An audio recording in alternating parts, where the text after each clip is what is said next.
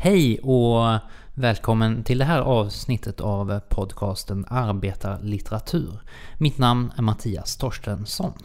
Och innan vi börjar vill jag bara kort informera om en ganska så, så, stor och häftig nyhet om jag får säga det själv.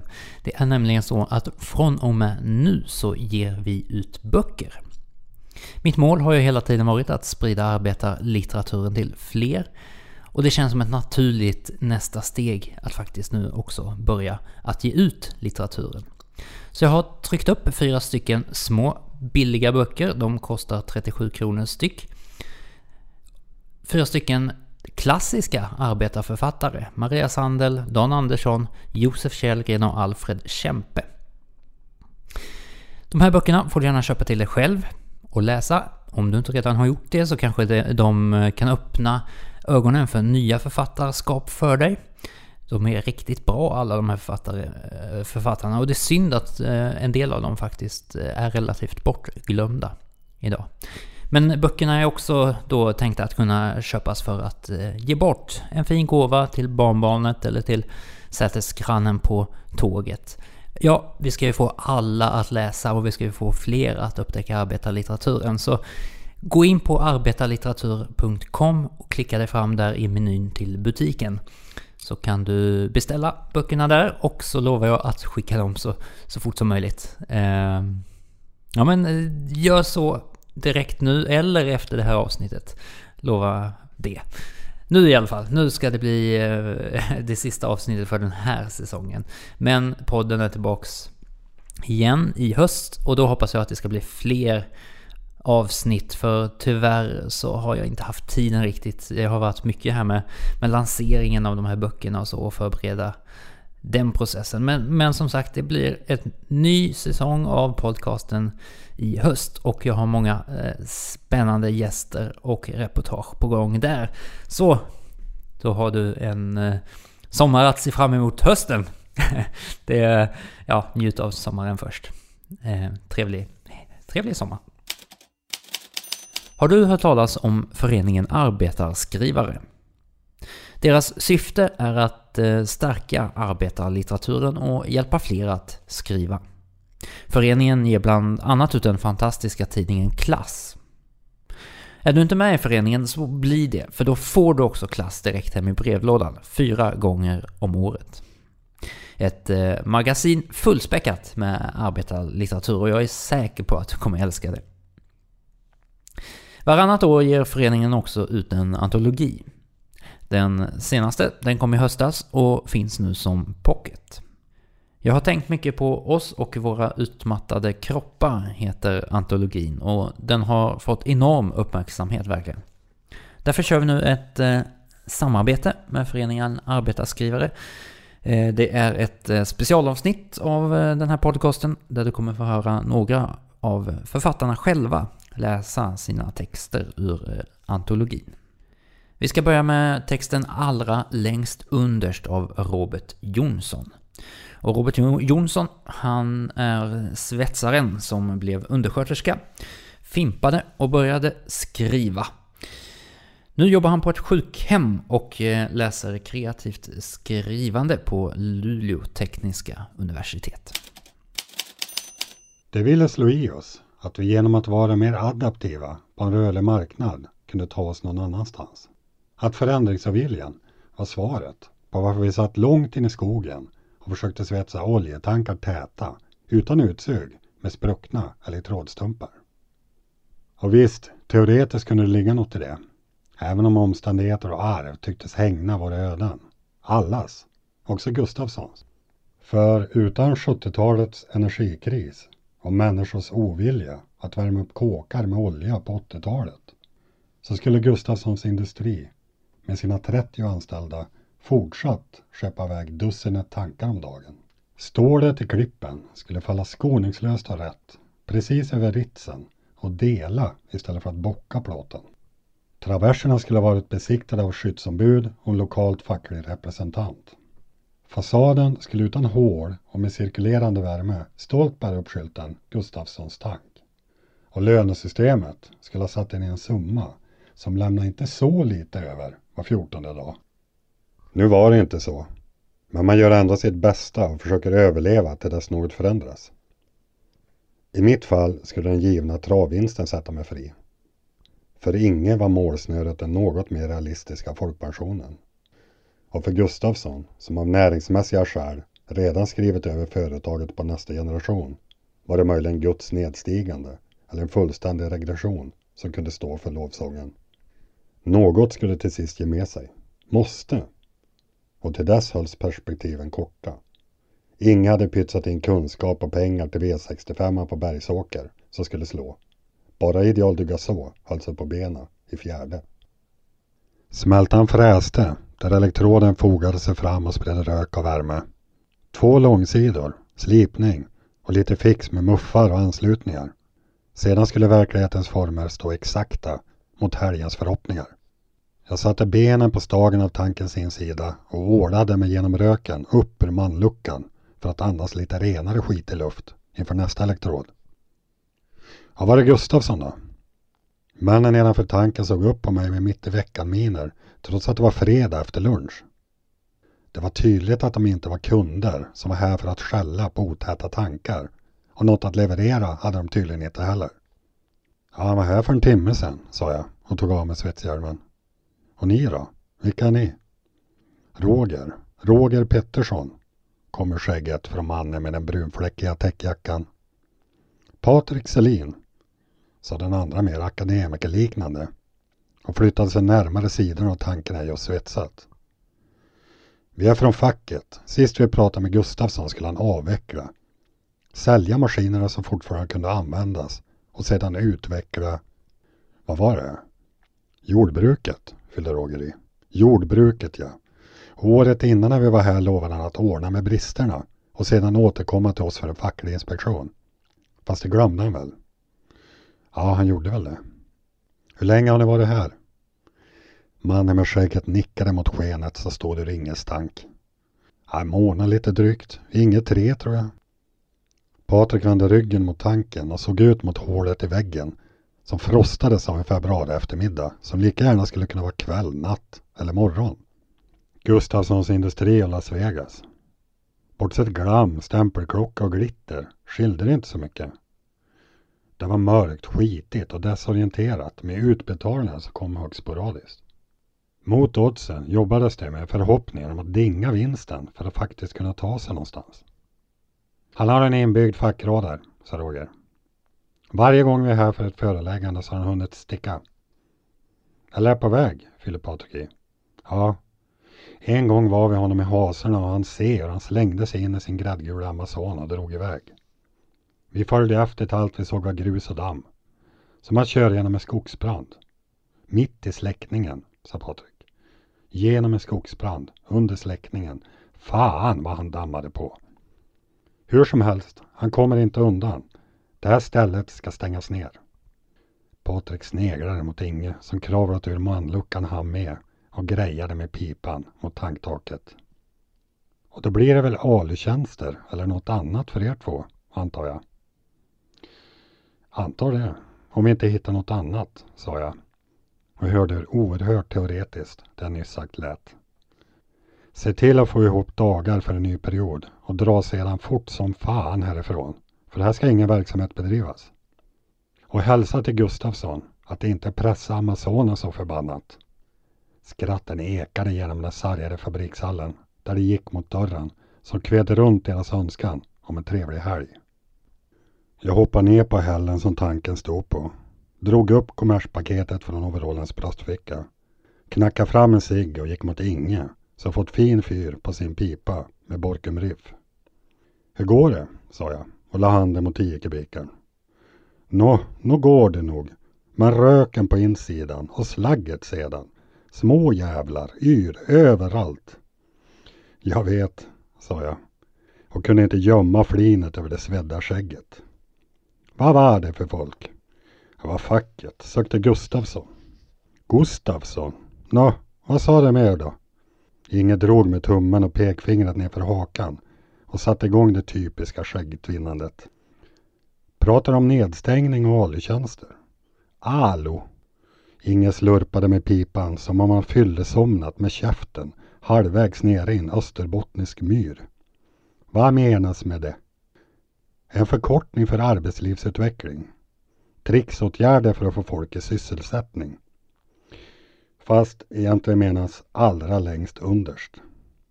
Allra längst underst. Nå, jag har månaden kvar till ny stämplingsperiod. Så ta med fan om det stänger och skicka mig på sånt. Allo. Jag berättade mer ingående om Dennis, som av Arbetsförmedlingen blivit anmodad att med röj och motorsåg gå efter Byskeån och snygga upp. Skenuppdrag för att tvingas utnyttjas genom systemet. Och hur han istället varje morgon delades ut till uppdragsgivarens grannar och bekanta för gratistjänster. Trädfällning runt åkergränser, gräsklippning, krattning, ja till och med vinbärsplockning fick han syssla med om dagarna. Där han gick som en sorts modern slav och skadades på självkänsla. Och vägrade han, eller ifrågasatte, skulle handläggaren naturligtvis ha mycket svårt att tro på honom mot alla samhälleliga etablerade. Och det skulle ha slutat som det alltid gör. Med straffmånad, CV eller socialkompetenskurs och sedan ny ALU-tjänst. Och visst hade sådana som Inge, jag och för all del Gustafsson ställt till det mycket för oss själva. Visst kan man tycka att jag borde gått klart gymnasiet, städat ur garderoberna och hällt ut vinet som alltid stod där hemtamt klockande. Visst kan man tycka att vi borde ha rustat oss bättre för nya tider. Men samtidigt tog vi inte ändå ytterst ansvaret för 500 procent i ränta. Bengt Dennis, BNP och kapitalflykt. Gjorde vi inte exakt det generationer före oss alltid gjort? Hostade oss med stopptjutande lungor genom svartslemmiga nätter. Tog smällen. Genom alla kriser och krig. För är det inte alltid så att sådana som oss skalas bort först? Att kedjan kapas längst ner. Länk efter länk. Allra längst underst. Snart kunde det vara vår tur. Hotet snurrade hjulen. Hörru, facken var nyss här och frågade efter dig. Gustafsson släppte fingrarna om traversdosan, sneglade bak mot mig och fortsatte sedan att med kroppen mot tanken flytta den bort mot blästern. Och Gustafsson, idag är det fredag. Han stannade igen. Jag var inne på banken i onsdags och lönen hade ju inte kommit in. Han släppte dosan och vände sig om med blicken och sen som accepterade otänkbara och sa helt kort. Nej, det blev försenat. Försenat? Jag behöver pengar jag med, lön, för jobb jag gör, i tid. Jo, jag vet. Gustafsson såg över min axel mot kontoret till. Helt ärligt behövde jag pengar till plåt och elektroder, muffar, slipskivor, sand till blastern. Allting kostar. Och det strular till sig med faktureringen av de senaste tankarna och... Eh, men till veckan. Nästa vecka? Jag behöver pengarna nu. Idag för fan, sa jag. Slängde handskarna över vinkelslipen på arbetsbänken och armarna i kors över bröstet. Han plockade upp traverskontrollen som svängde fram och åter från taket likt micken i en boxningsring strax innan fighten. Sänkte och höjde tanken med ett par snabba tryckningar och släppte sedan kontrollen. Hur mycket behöver ni? Ja, 1500 över helgen åtminstone och Inge lär vi behöva detsamma, minst. 1500, minst, fyllde Inge i och vred gråtestar på hakan allt hetsigare. Gustafsson började besvärat bläddra runt bland gud vet vad i sin brunnötta börs och sträckte sedan över 2000 lappar. Man gör här nu. Han började hissa tanken mot taket. Tio kubikerna behöver inte gå förrän mitten på veckan. Och sedan blir det av där tankar. Fick nyss in en beställning på fem stycken. Vi syns på måndag gubbar. Trots de 500 vi saknade fann jag mig vid tvättrännan med känslan av att ha rånat en tiggare. Tankar på Gustafssons fru och barn for helt hastigt genom huvudet. Hur han stod framför dem och saxade nödlögner och storstilade löften om kompensation. Fan vilket strul det alltid ska vara sa jag till Inge som börjat skrubba bort smutsen med det sågspånsliknande tvålpulvret. Det rev skinnet rött men var, förutom möjligen diesel, det enda som riktigt bet för att få väck det värsta av skiten som täckte oss. Tusen kronor, nå, nå är det inte mer än just det räcker inte. Nej, det är ju inte det. Men vad gör man? sa jag till Inge och gnuggade tvålpulver runt ögonen. Vad fan gör man egentligen? Vi parkerade på pizzan och han dricka ur en omgång starka innan Inge serverade sin rödspätta och jag min calzone. TVn i taket strömmade förväntningar genom Hans Gs familjära stämma och vi åt och drack allt ivrigare mellan omgångarna. Fjärde. Vi var fortfarande med och Ideal de Gassot vände löddrigt runt i volten. Jag fastnade i en tugga men bet ihop på kommandoordet kör. Bara för att strax därefter skicka en degskur mot TVn där idealen flög upp som en kadett i en pilsnerfilm. Galoppvrålet lockade fram en våldsam nysning. Jag snöt ur mig ytterligare några fabriksrester, skakade på huvudet över det sotsvarta snoret mot servetten och vinkade till med Hader för ännu en runda. Skriv upp alltihop, sa jag och såg hur hans panna blev allt degigare.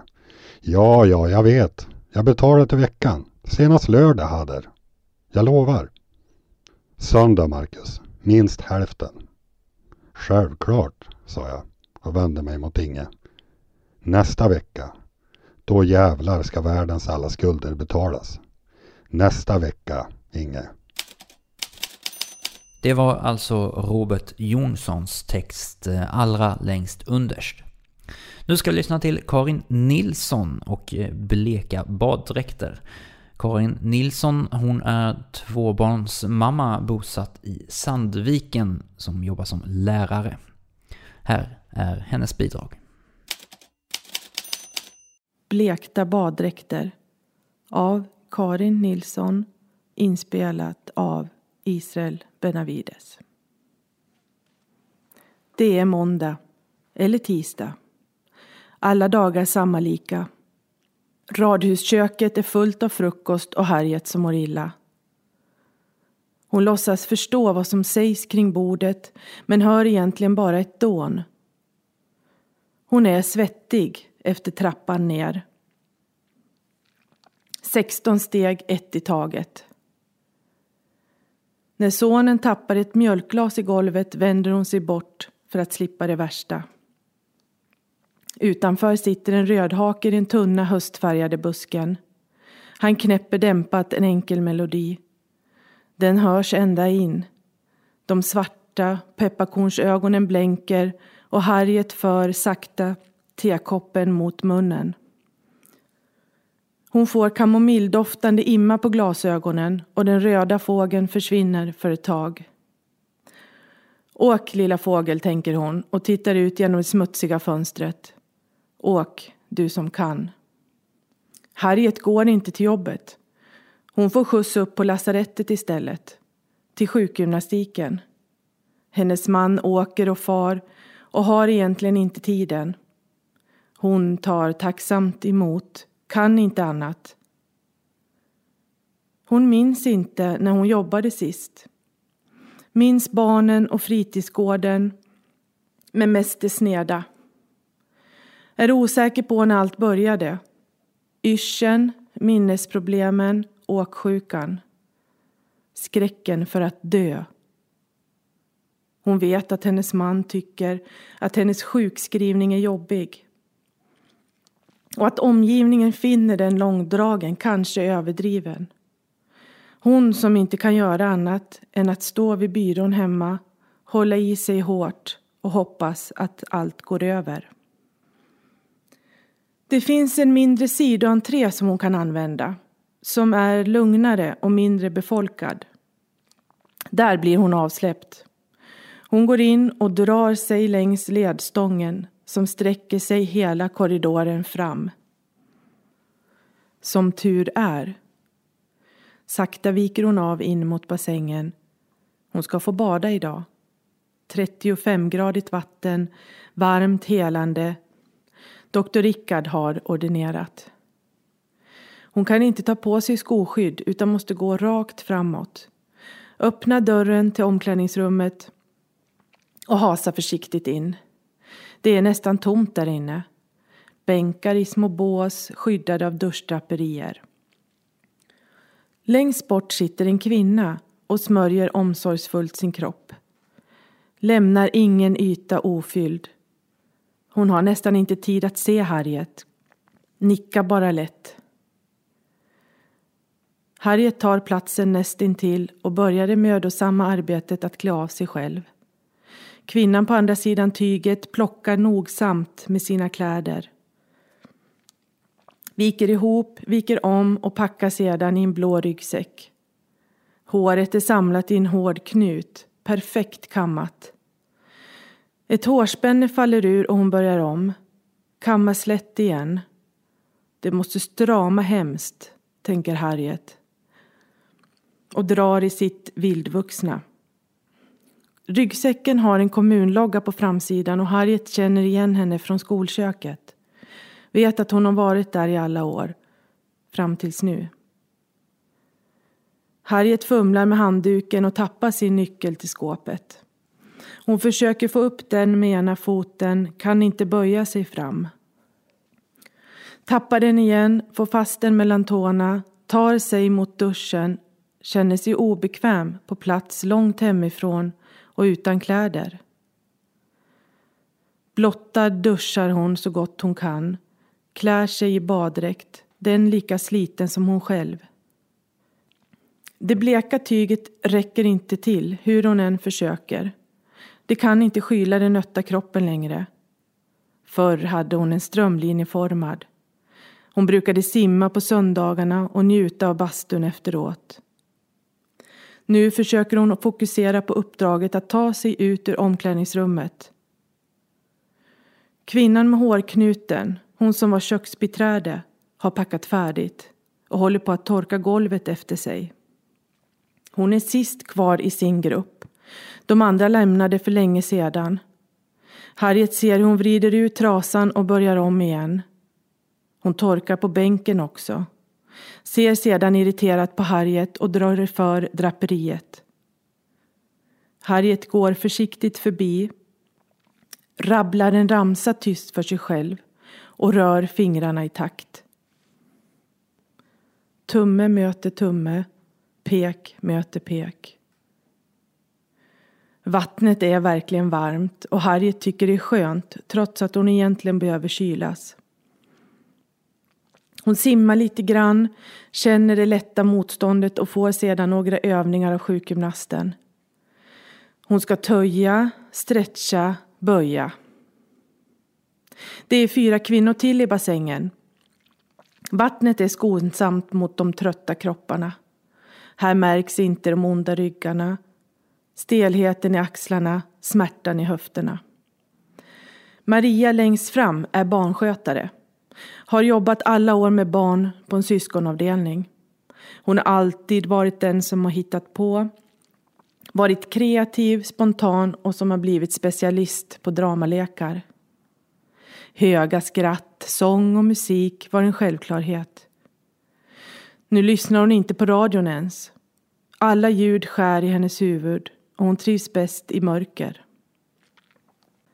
Sofia bredvid har jobbat som vårdbiträde. I 30 år har hon gått i hemtjänsten. Sprungit mellan pensionärerna. Burit, städat, lagat, varit allkonstnär. Och trevlig. Nu kan hon inte laga mat för att hon står snett och spisen lutar framåt. Hon ler inte längre, blir het av värmen från plattorna.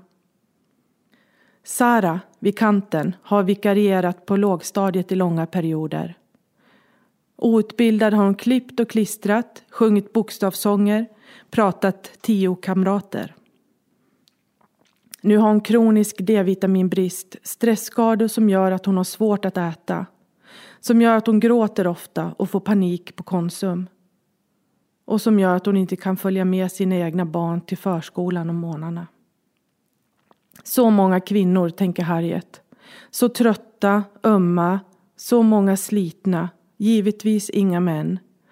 Bara kvinnor. På yogan, träningen, terapierna. Hon har blivit en av dem. Kvinnorna som väntrumsvilar. Som rör sig i olika sjukhusmiljöer både på land och i vatten. I bassänger, bassängkärringar. De som måste sjukskrivas, avskrivas från samhället. De besvärligt utarbetade som man tröttnat på, som föraktas. Det som torkat, som orkat i alla år. Kvinnorna från järnverket som har kokt korv i termosarna på personalresorna. Som kör moped för fort och utan hjälm ibland. De är också slut. Lena som alltid står längst bak är en av dem. Traversförare, utsliten, men kör på ändå. Hon gör hela passet utan uppehåll, kniper ihop och klagar aldrig. Ibland luktar det rök när hon kommer in. Sjukgymnasten har sagt åt henne att sluta. Men hon är äldst i gruppen och gör som hon vill numera. Hon jobbar deltid på själva verket och får åka på rehab i Spanien med jämna mellanrum. Det syns på kroppen som bär spår av solbränna.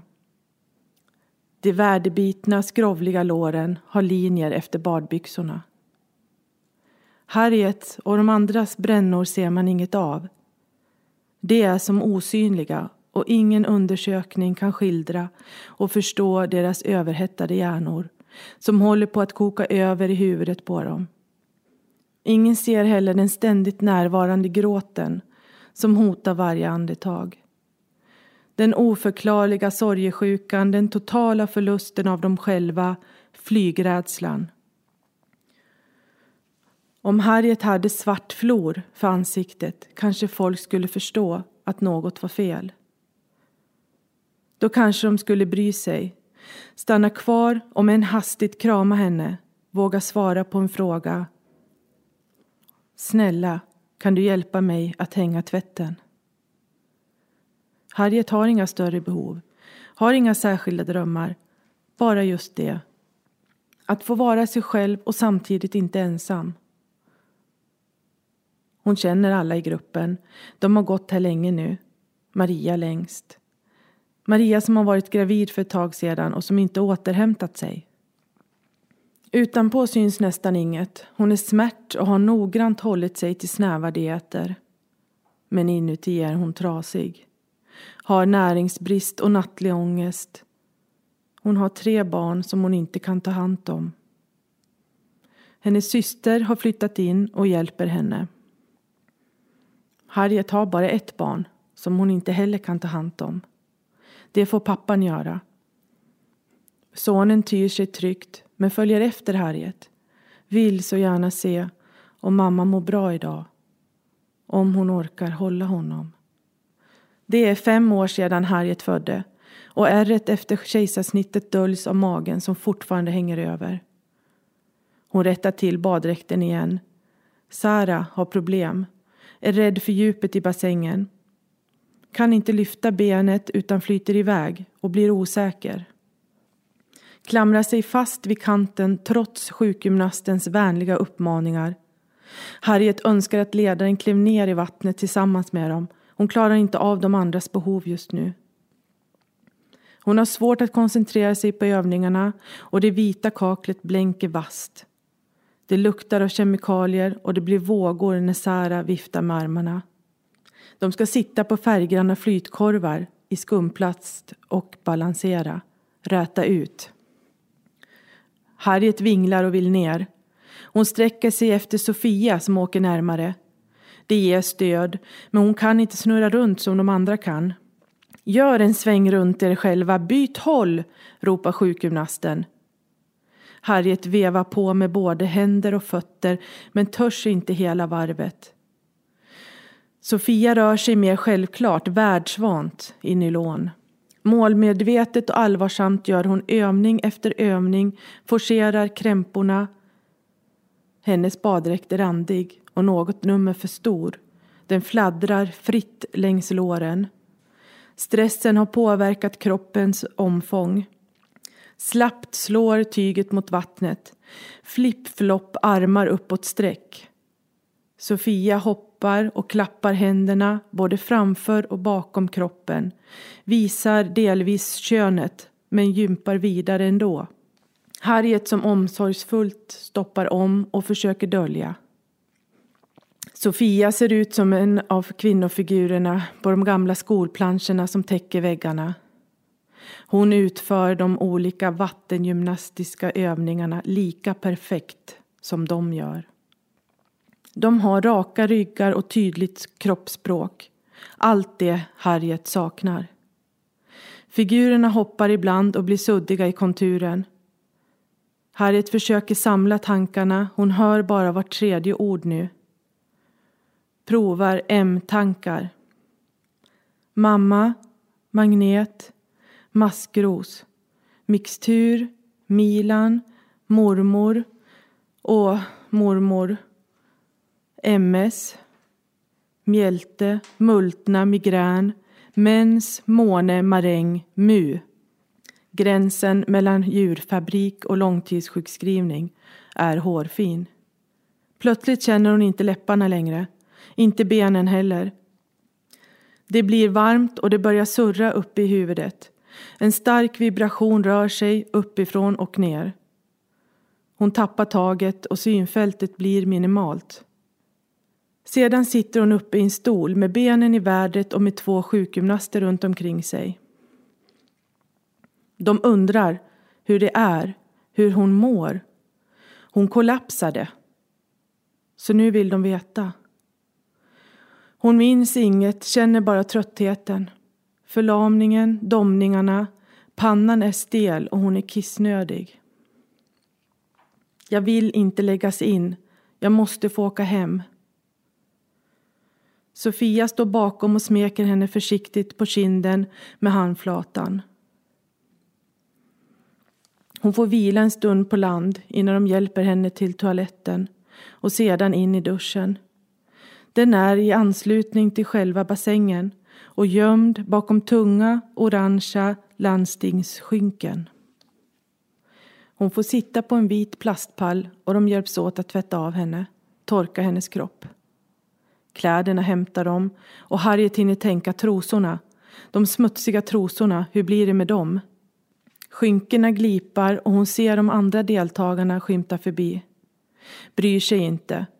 Orkar inte känna sig både naken och utsatt. Men det där med trosorna brinner skamfullt i henne. Att de måste ta med dem. Hon ska kolla i väskan när hon kommer hem sedan. Om de ligger där. Hon får i alla fall det rena paret och de klär henne skyndsamt. Nästa pass ska snart börja. I omklädningsrummet står kommunryggan kvar och kvinnan torkar fortfarande. Tar bort osynliga vattenpölar. Tack för idag, säger sjukgymnasten manande till både henne och Harriet. Maria hjälper henne med håret, borstar ut tovorna närmast nacken. Det svider i hårbotten trots att hon aldrig varit håröm. Längst fram lossnar det nävar av strån och det en gång så tjocka håret med de slarviga flätorna har blivit tunnare, plattare. Sara kommer och klappar henne på huvudet, viskar att hon kan be för henne. Läsa ur Koranen någon dag. På något vis känns det tryggt. Harriet som inte har någon gud har länge tänkt på vad som ska hända henne om, eller när, hon dör. Hur otäckt det känns att ingen tar emot henne på andra sidan. Hemma när hon är ensam brukar hon lyssna på grannen genom väggen. Höra hur Bengt, grannen vägg i vägg, pratar i telefon och hur han slår i köksskåpen. Den känslan vill hon ha oftare. Att bli omsorgsfullt hopblandad, omhändertagen, men inte inlagd. Lena går hem och hämtar bilen och skjutsar Harriet hela vägen. Hon skickar med en burk soppa så att Harriet kan äta lunch. Harriet håller burken hårt så att den inte ska skvimpa över men den av morötterna ljust färgade vätskan läcker ändå ut och bildar brandgula fläckar i knät. Katten möter dem på farstubron. Han snurrar runt benen och Harriet nästan snubblar. Han jamar intensivt och vill visa något. Ett litet bylte under bänken. En hög av fjädrar, röda och trasiga. Granna ligger de där innan vinden sprider dem över trädgården. Några hamnar i busken bortanför och Lena skakar av dem när hon går. Harriet står kvar, tacksam över att äntligen vara hemma. Hon tömmer ut innehållet ur den blöta väskan i hallen, hittar inga trosor och tänker att det är långt kvar till vårfåglarnas nästa sånger. Samtidigt lyckan över att vara rättvänd och inte framåtstupa. Att inte behöva resa långt eller till sjukhus. Hon tar sats och fyller bröstet med ett djupt andetag som tränger undan alla eventualiteter. Räknar ett, två, tre, fyra. Tar sig hela vägen upp på övervåningen.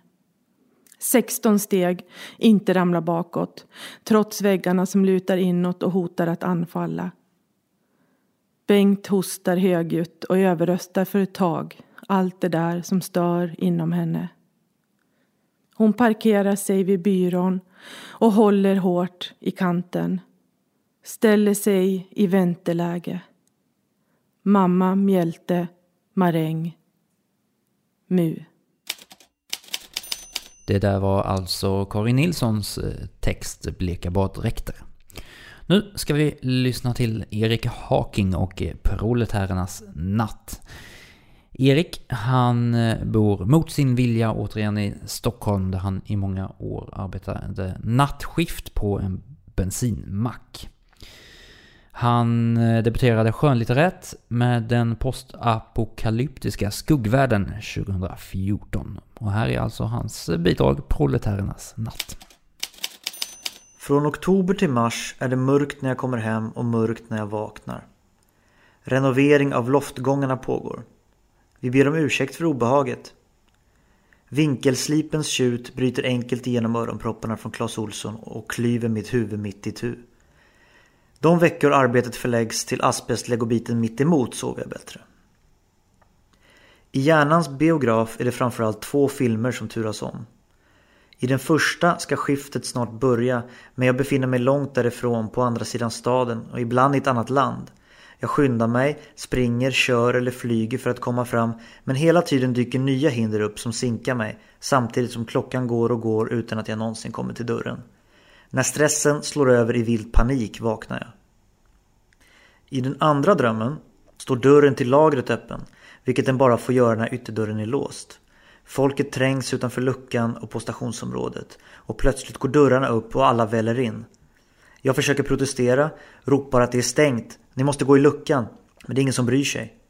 Några går in på lagret, andra bakom kassan. Larmet tjuter. Någon har tagit sig in bakvägen via tvätthallen. Hela byggnaden är översvämmad av konsumenter och jag kan inget göra.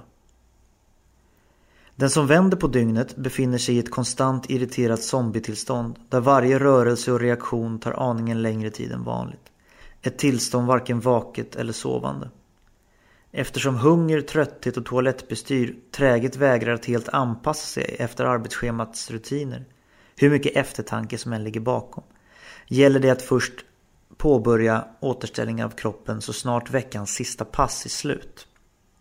Första dagen är nyckeln Då får man absolut inte sova för länge. Från åtta tiden på morgonen när man kommer hem till senast 12 kanske. Sen kan man pröva att gå och lägga sig några timmar tidigare följande natt och så vidare och så vidare. Det viktigaste är att undvika den lockande eftermiddagsluren. Överskottsenergin man känner fram till 2-3 på dagen dräneras i en rasande takt framåt 5-6. Kroppen skriker efter sömn och lovar att om man är tillmötesgående på den punkten kommer det endast att röra sig om en liten powernap i all enkelhet. Man sluter ögonen framför kenodragningen och vaknar svettig och förvirrad till sena nyheterna med insikten om att dagens arbete är förstört och inget nytt sömntillfälle kommer komma förrän till gryning. Alltså, gå ut någonstans för att undvika tv-hypnosen, träffa människor. Människor som är tillgängliga under dagarna. På stationen till exempel. Och fika med dagspersonalen. Fanny behöver slå ihjäl lite tid innan veckans första pass börjar vilket sammanfaller med min första utmaning att hålla mig vaken tillräckligt länge. Vi åker till Heron City för lite variation av snabbmat och botaniserar sedan en god stund kring filmutbudet. Ett sockerstint megamål följt av en kopp svart snabbkaffe ska nog göra susen. Den första sömnattacken kommer under reklamen. Jave, jave, jave, jave. Och sen upp igen med ett tryck. Jag läser ur den lilla gratistidningen med alla aktuella och kommande filmer att den här, just den här är en timme och 49 minuter. Den töntiga killen verkar sitta på någon kunskap om datorer som Bruce Willis behöver. Annars hade han väl aldrig brytt sig om att ta med honom på motorcykeln. Fannys melodiska kolasörplande vaggar till ro. Ögonlocken klipper mer och mer regelbundet. Bruce Willis brynja är bara lite fläckig. Det är långt kvar. När den första långtradaren flyger i luften sköljer ett rus av självförtroende genom kroppen. Det här kan jag klara. Tänk bara på hur många som tagit sig igenom liknande, till och med ännu svårare situationer än det här. Jag menar, se bara på Bruce Willis. När den andra långtradaren flyger i luften är jag irriterad över min egen inställning. Vad spelar det egentligen för roll? Jag sover lite nu och får offra att vara vaken en natt men det kan man, man kan ju alltid göra ett nytt försök imorgon. Varför pressa sig själv på det här sättet? Är det någon sorts ideal att leva upp till inför Fanny? Varför kan vi inte bara ha ett samhälle där man sover när man är trött, äter när man är hungrig och släpper väder när man måste? Vad är det du försöker bevisa och för vem? När den tredje långtradaren flyger i luften är jag den drunknade sjömannen. Den förliste fiskaren. Den förgiftade sorken som väntar på att slukas levande av ormen. Den förfryste K2-klättraren som förlikas med ödet och lugnt sluter ögonen och låter mörkret komma och ta mig. När den fjärde långtradaren flyger i luften är det bara ett sussande bakgrundsbrus. Så har halva veckan gått. Framåt söndagen är jag nästan i fas med normen så just den natten stundar motsatt kamp. Imorgon börjar ett nytt skift så inte somna för tidigt nu, inte bli uttråkad. Aktivera, interagera. Fannys sista pass börjar klockan åtta. Strax efter tolv brukar det vara lugnt. Då kan vi snacka relativt ostört fram tills dess det är dags att börja baka och krogarna börjar stänga och de första dörrvakterna dyker upp för avslutningsfika. Halv fyra är jag hemma igen. Alarmet avslaget. Under måndagen sover jag tills jobbet börjar. Om inte gliporna i persiennen ordnar så att solen väcker mig så tar grannbarnen gärna över ansvaret. De gillar att tjoa medan de springer och klimax korrelerar direkt med min djupsömn. När jag ber deras pappa säga till i all välmening eftersom jag jobbar natt och sover på dagen svarar han självklart och ger dem båda en rejäl uppsträckning följt av varsin örfil. Insikten om att vara en skvallrande skitgubbe som förtjänar att få sin ytterdörr vandaliserad infaller. Den här morgonen då är det dock något annat som bryter dagssömnen. Det är Ett varslande gurgel i maggropen som blåser snart upp till full orkan. Med hjälp av en kraftansträngning som jag snart märker att jag egentligen saknar lyckas jag fly in på toaletten just som det som kokat där inne börjar forsa fram genom den väg som det finner lämpligast. För värddjuret i detta fall klart olämpligast. En gulgrön sörja med bleka kycklingbitar marinerade i magsyra. Lika aptitretande som de framstod i kyldisken i morse uppenbarar sig och fortsätter pulsera i en jämn stråle tillsammans med hela kroppens samlade energiförråd. Magens kramper förklarar att om det bara fanns mer att ta av så skulle fan i mig detta också kastas upp så det bara sjöng i klosetten. Några tröstlösa försök att kravla tillbaka till sovrummet senare är den villkorslösa och förnedrande kapitulationen total. Med en uppsyn som skulle få Linda Blair i Exorcisten att framstå som uppiffad har jag lovat min övermäktiga fiende att aldrig mer inta något som helst födoämne eller överhuvudtaget stå upprätt utan dess uttryckliga tillstånd. En timme senare har vissa grundläggande friheter återvänt men i klart begränsad form. En viss begränsad rörelsefrihet, en viss begränsad yttrandefrihet. Templets nya gud allsmäktige kommunicerar genom kroppsljud och odörer att den har mig under strikt uppsikt om jag skulle få, få, få för mig att pröva något blasfemiskt. Som att till exempel dricka ett glas vatten. Framåt sena eftermiddagen är det bara att inse nederlaget. Jag kommer inte kunna sköta mina plikter i natt. Med möda och skam letar jag upp chefens nummer i telefonen och klickar grön lur. Alltså hur sjuk är du? För du vet att då blir det Fanny som måste jobba. Chefen har 3500 extra varje månad i ersättning för eventuell jour. Kompensation för om något oförutsett inträffar. Vi gör så här. Du åker in och provar. Funkar det inte så får vi höras igen. Det funkar. Även om magen verkar och resten av kroppen domnar och rör sig ultrarapid så ligger det lilla som ännu kan finnas kvar inuti kvar på sin plats. Efter en halvtimme är det dock något som vill ut i det fria. Problematiskt. Eftersom jag som vanligt står ensam i butiken och inte på grund av säkerhetsföreskrifterna, samma föreskrifter som bestämt förbjuder någon att arbeta sjuk, bara kan gå därifrån. Ännu mer problematiskt eftersom om jag inte gör just det omedelbart kommer kassaområdets plana yta glaseras av mitt eget innanmäte. Det blir till att, bestämt i strid med rådande bestämmelser, rusa in på lagret och kvickt hulka upp det mest alarmerande. Samtidigt hörs ljudet av dörrklockan från människor som för mitt inre fyller fickorna av dubbeldime och k-sprit. Några snabba konvulsioner senare är jag tillbaka. Pump två, fräser en gubbe så fort jag uppenbarar mig framför lagerdörren och hytter med en hundring i luften som han, precis innan jag har möjlighet att nå den, demonstrativt släpper ner på disken innan han vänder på klacken och går ut. Givetvis har han tankat för 176, vilket gör att jag får plocka en krona ur dricksburken för att jämna ut kassan. Till skillnad från civiliserat folk ser farbröder i rock det gärna som sin fulla rätt att höfta lite vid betalning. Klockan är 22.40. Det har gått 50 minuter av mitt nio timmars pass. Och jag börjar inse att magen tydligen inte tänker ta hänsyn till chefens rekommendationer eller så kallade överenskommelse om att försöka. 22.42 är det nämligen dags igen, fort in på lagret medan larmet från pumparna tjuter i högan sky av folk som vill tanka på dem. Jag hinner inte starta dem den här gången för nu, nu sipprar det fram lite varstans hur mycket jag än försöker hålla tillbaka. I fickan känner jag fjärrkontrollen till dörrarna och efter några frenetiska tryck hörs klicket som meddelar att de är låsta. Från toaletten kan jag såklart uppfatta knackningarna. Och ringklockan. Och någon särskilt uppfostrad medborgare tutar i frustration över den havererade samhällsservicen. Jag tänker på Lisa den lite kufiska extraarbetaren som brukade hänga i butiken och kommentera ens arbete. Innan hon kom på att hon kunde ju få betalt för det om hon bara lämnade in ett CV först. Hon bor i området och hon är alltid vaken så här dags. Jag ringer till Lisa. Hon är i stan. Men säger att hon kommer så fort hon kan. En timme max. En timme betyder kanske 20 kunder vid den här tiden i mitten av veckan. Det kan jag fixa om jag springer lite ut och in några gånger.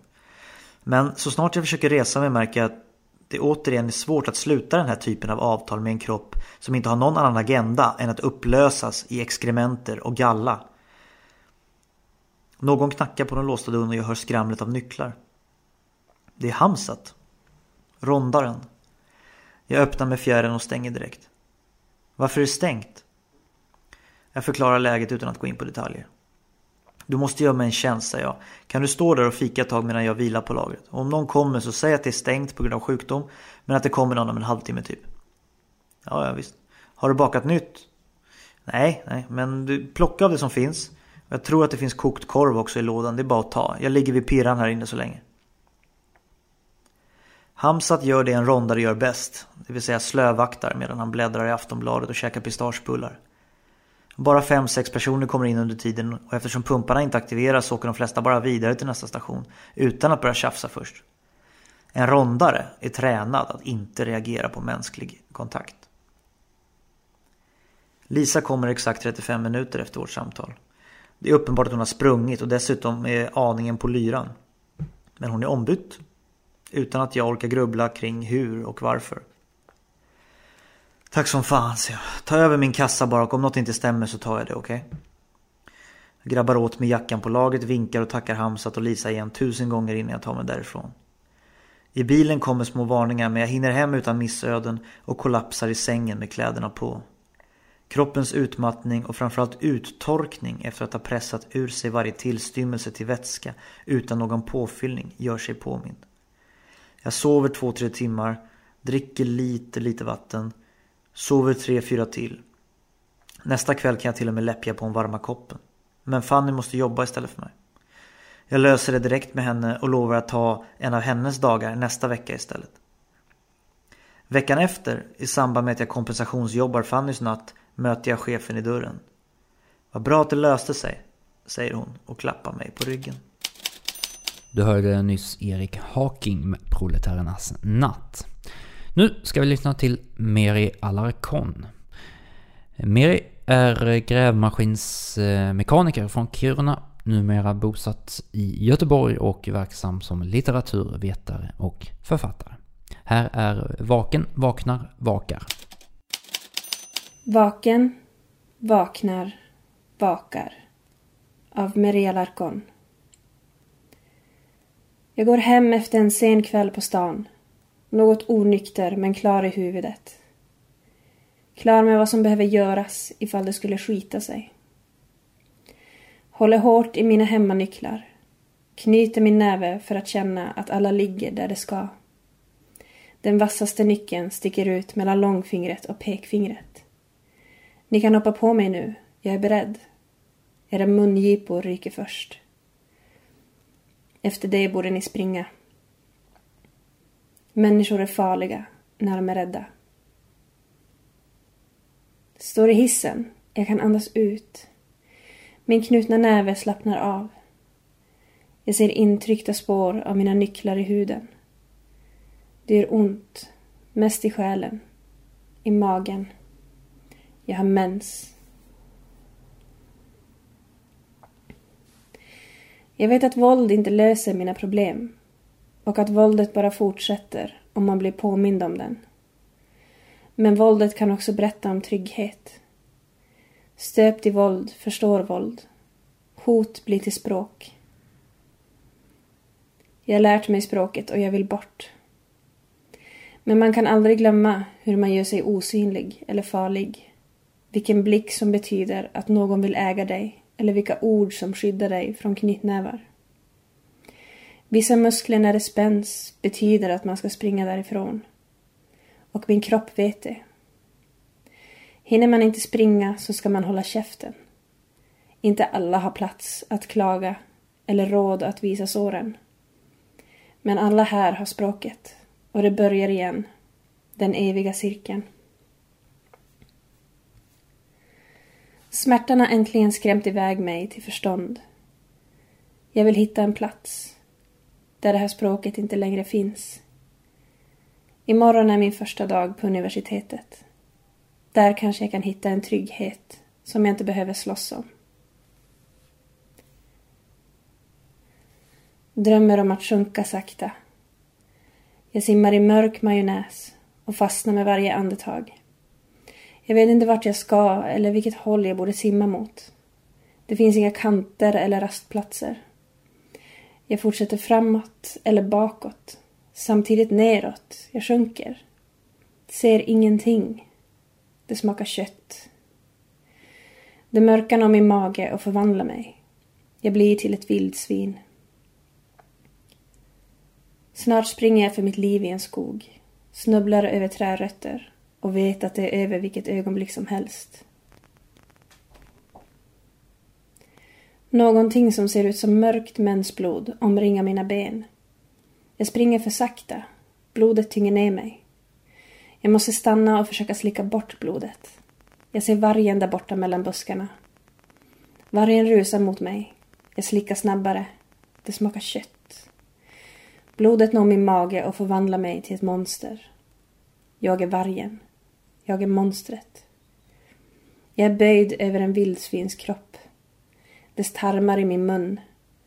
Det smakar liv. Det smakar kött. Vildsvinet har ätit upp sina ben. Det smakar liv. Det smakar kött.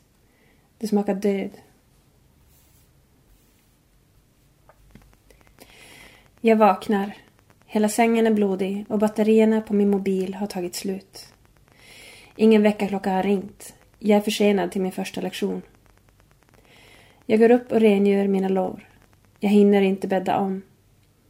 Springer mot spårvagnen som precis hinner åka ifrån mig. Måste vänta in nästa. Jag tänder en cigarett och de sista förnimmelserna av min dröm försvinner med mitt första bloss. Nu kommer femman. Den kan jag åka med ända till Valand. Kanske hinner med föreläsningen i alla fall. Det blir bra. Det duger.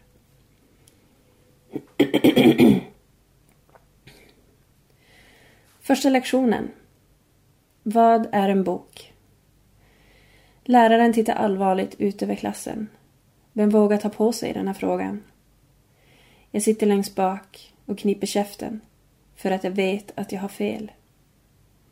Läraren verkar sympatisk. Jag kan vänta innan jag vågar räcka upp handen. En annan student räcker upp handen. Han har vita byxor, bakåtslickat hår och ler i mjugg. Det här är en bok, till exempel. Han håller upp sin kursbok och skrattar ensam. Han är yngre än mig och har en väldigt dyr scarf runt halsen. Det räcker för att provocera mig. Jag vet att hans självgodhet kommer att gå obesvarad på det här stället. Jag börjar förstå att det finns ett annat språk som jag inte har och jag gör mig osynlig. I min viadukt hade hans pengar inte skyddat honom. Där hade jag vunnit. Jag slår ner honom och knäcker hans käke med min häl. Lär honom att hålla käften. Lär honom hans plats. Ja, det är en bok, till exempel. Jag har mens. Jag är ett monster. Alla luncher. Vi har samlats ett gäng, matlådor värms upp och grupperingar görs. Jag hittar en bra plats, nästan rätt. Eller så rätt det kan bli, på det här stället. Alla har mycket mat, olika innehåll i matlådorna. Alla lådor innehåller hela färgskalan med extra grönt. Såser och veganska mackor. Du köper en burk Ramlösa till. Min matlåda är fylld med rosa sörja. Pasta, ketchup och tonfisk. Jag tycker det är gott men känner ändå skammen. Det luktar fitta. Vi skrattar lite åt det och fortsätter äta. Bra människor. Vi pratar om vad vi ska göra till påsk. Jag måste stanna i stan.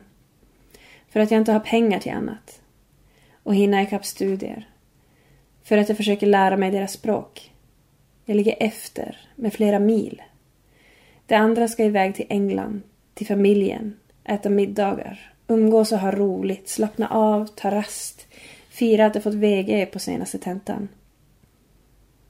Här skiljs vi åt, enkelheten och svårigheten.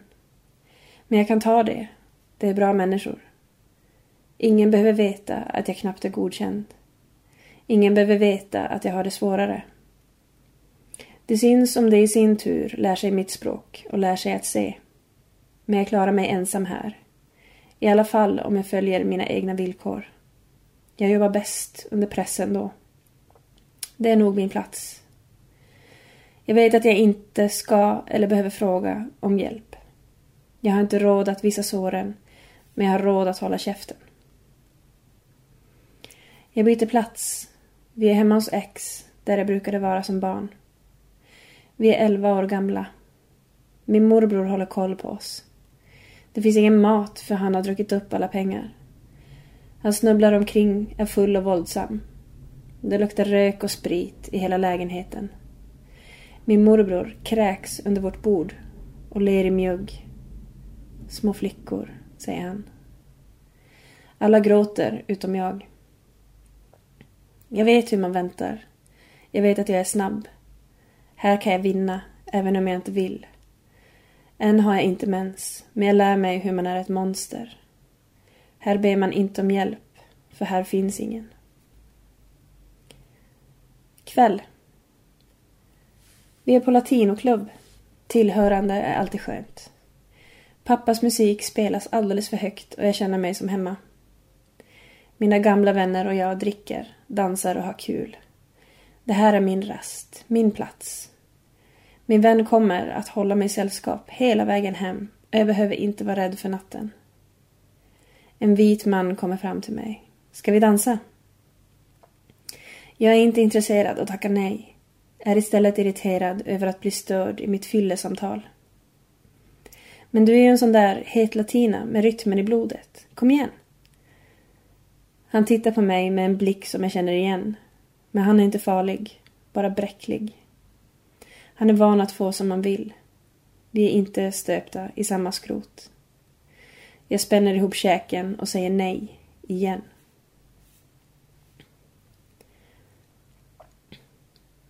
Jag krossar mitt glas i min hand. Den börjar blöda men jag märker inte. En stor skärva stannar kvar i mitt grepp. Jag skär snabbt av mannens halspulsåder.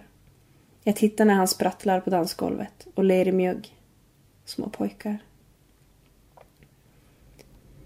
Jag har mens, lämna mig i fred. Jag är ett monster.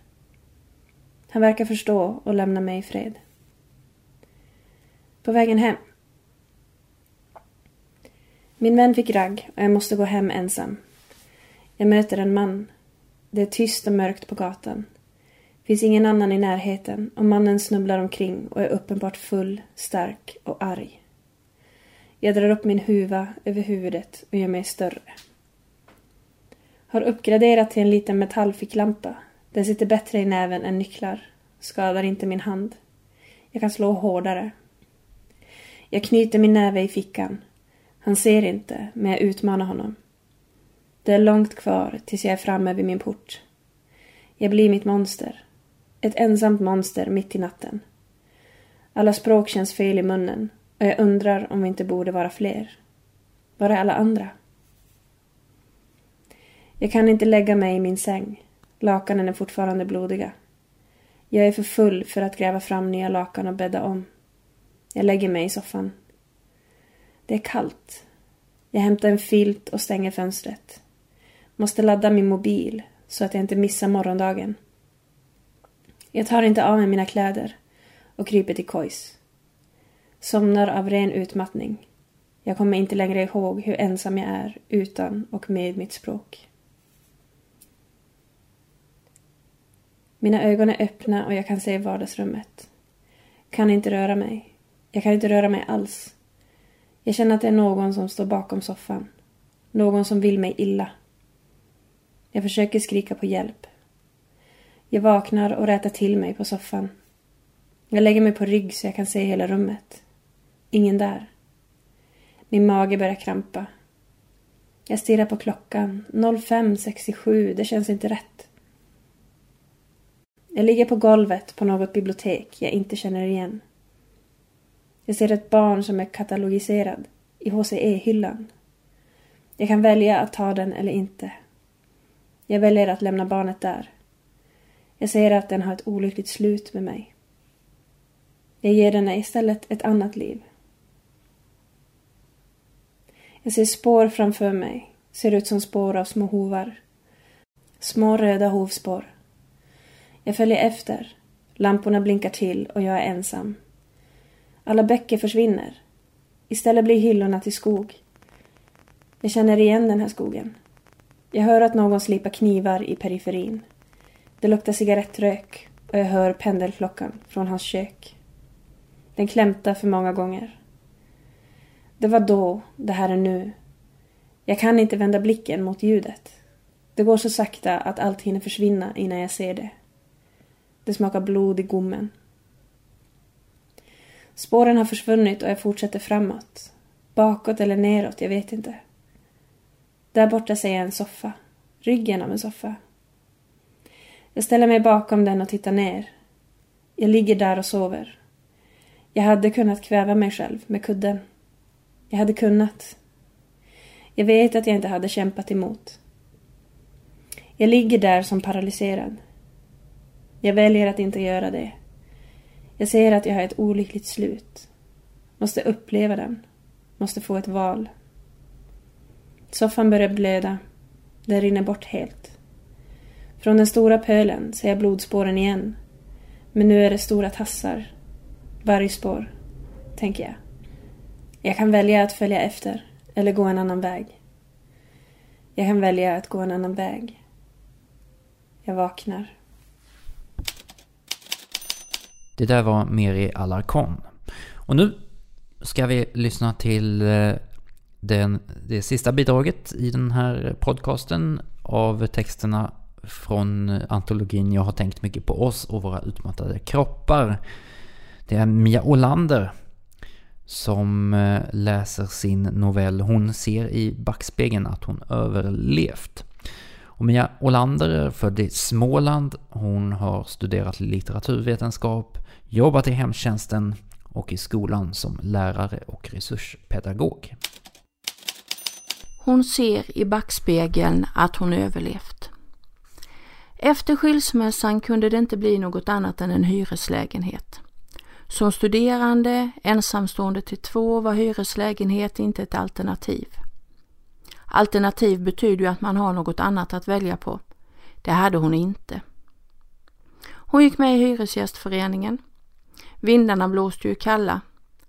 Hon fick Vår bostad, medlemstidningen, i brevinkastet. Det här var tiden före postboxar i porten. Hon bläddrade, läste lite och en gång om året dök novelltävlingen upp. Den så jävla mystiska novelltävlingen som presenterade sina vinnare men aldrig någon tävlingstalong. När hon flyttat till bostad nummer två, som egentligen inte alls var någon lägenhet utan ett nedgånget hus som hon tagit för att få mer kvadratmeter för pengarna, så mejlade hon vår bostad. För då och då greps hon av ett behov av att förstå världen, försöka se mönstren och självklarheterna som andra verkade ta för givna. Frågan ställdes hur hon varje år läste de vinnande bidragen till novelltävlingen utan att en enda gång ha lyckats se själva tävlingen. Ett mycket vänligt svar kom i retur. Tävlingen riktade sin inbjudan till de som var med i Svenska Författarförbundet. Men som en gest för hennes visade intresse så bifogade tidningen, eller snarare någon vänlig person på redaktionen, ett tävlingsformulär. Där stod att läsa att tävlingen var anonym. Istället skulle ett förslutet kuvert med namn, adress och telefonnummer bifogas. Så hon skrev en novell. Blev man bjuden fick man vara så artig tillbaka. Hon hade tvättat, precis sparkat av sig tofflorna och ställt ifrån sig tvättkorgen i köket för att ta fram strykbrädan när telefonen ringde. En kvinna presenterade sig med ett namn hon inte uppfattade och frågade sedan Vem är du? Vi har googlat ditt namn och vi hittar ingenting. Var publicerar du dig någonstans? Hon satte sig ner på sängkanten på det naturvita överkastet i indisk bomull. Naturvitt är bra om man hyr sin bostad. Naturvitt passar till allt. Naturvitt kan flytta med från ställe till ställe. Men det gör jag inte. Återigen frågade rösten om hon verkligen inte publicerade sig. Nej, svarade hon, det hade hon nog märkt i så fall. Med en glad och något förundrad röst så berättade kvinnan i telefonen att novellen kommit på delad tredje plats och att juryn varit säker på att hitta ett känt författarnamn i det slutna kuvertet. Det är ju inte så mycket pengar, 12 500, men sluta inte skriv. Och tänk på att du inte får berätta det här för någon innan tidningen gått ut och publicerat namnet på de som fått pris. Inte mycket pengar. Den räffliga, mångtvättade strukturen på det naturvita bomullsöverkastet under hennes ena hand, den känslan stannade kvar. Den andra handen, som doftade svagt av sköljmedel, tryckte luren mot örat där en röst sa Men sluta inte skriv. Hon fortsatte att jobba extra i hemtjänsten för att få glappet mellan studielånen och verkligheten att överbryggas, men för novellpengarna kunde hon köpa sig en ny dator. En dator som var till hjälp när studierna skulle skötas. Studier som skulle leda till ett arbete. En fast tjänst som skulle ge mat på bordet och tak över huvudet. Arbete som skulle stå i vägen för att skriva. Timmarna i nattpatrullen var tio. Från 22 till 08. De sista två timmarna mellan 06 och 08 var en slitsam dimma av åldrat, darrigt uppvaknande fyllt av stödstrumpor, ögondroppar, pottstolar i hem som krympt ihop till en inluggen säng och ett köksbord fullt av apodoser, medicinburkar och hemmets journal. Och nej, hon hann tyvärr inte stanna och prata för det fanns ju fler som behövde hjälp. När hon går av passet tar hon vägen förbi bageriets bakdörr där man kan köpa nygräddade frallor till ungarna som klarat sig själva på natten med hjälp av mobiltelefonkontakt. Hon vågar inte tacka ja till hyresbidrag, för blir det för många timmar i hemtjänsten så måste hon betala tillbaka och det kan hon inte för det blir ju aldrig en krona över. Där hemma ligger böckerna uppslagna på köksbordet på väg till nästa tenta för hon måste ta sig ur det här måste skaffa ett liv värt namnet och ge ungarna en rimlig chans. Så hon brer frallor, skickar till skolan, laddar ännu en maskintvätt och telefonen ringer. Kan hon gå på tidigare för det är kort om folk i kvällspatrullen och hon kunde kanske hjälpa till att lappa över. Och det kan hon ju. Hon kan lappa och lappa och lappa. Det är hon bra på. Det har hon tränat på i generationer. Det är att drömma som är svårt och nytt och främmande. Det där var alltså Mia Olander. Och nu har du hört ett antal texter från eh, föreningen Arbetarskrivares antologi Jag har tänkt mycket på oss och våra utmattade kroppar. Och det var författarna själva som läste. Jag rekommenderar verkligen den här antologin. Se till att införskaffa den i närmsta bokhandel. Eller låna den på bibblan. Mycket bra texter och vill du själv medverka i eh, en antologi Gå med i föreningen Arbetarskrivare om du inte redan är det, för nästa år ger de ut en antologi igen och nu söker de bidrag till den. Du kan läsa mer på föreningens hemsida.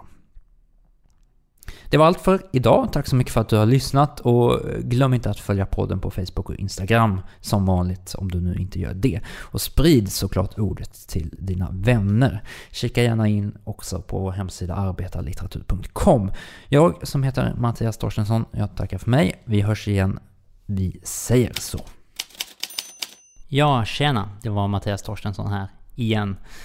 Jo, jag vill bara påminna. Gå in på arbetarlitteratur.com butik alternativt klicka dig fram i menyn till butiken så beställer du ett antal arbetarlitterära verk där och läser i solstolen i sommar.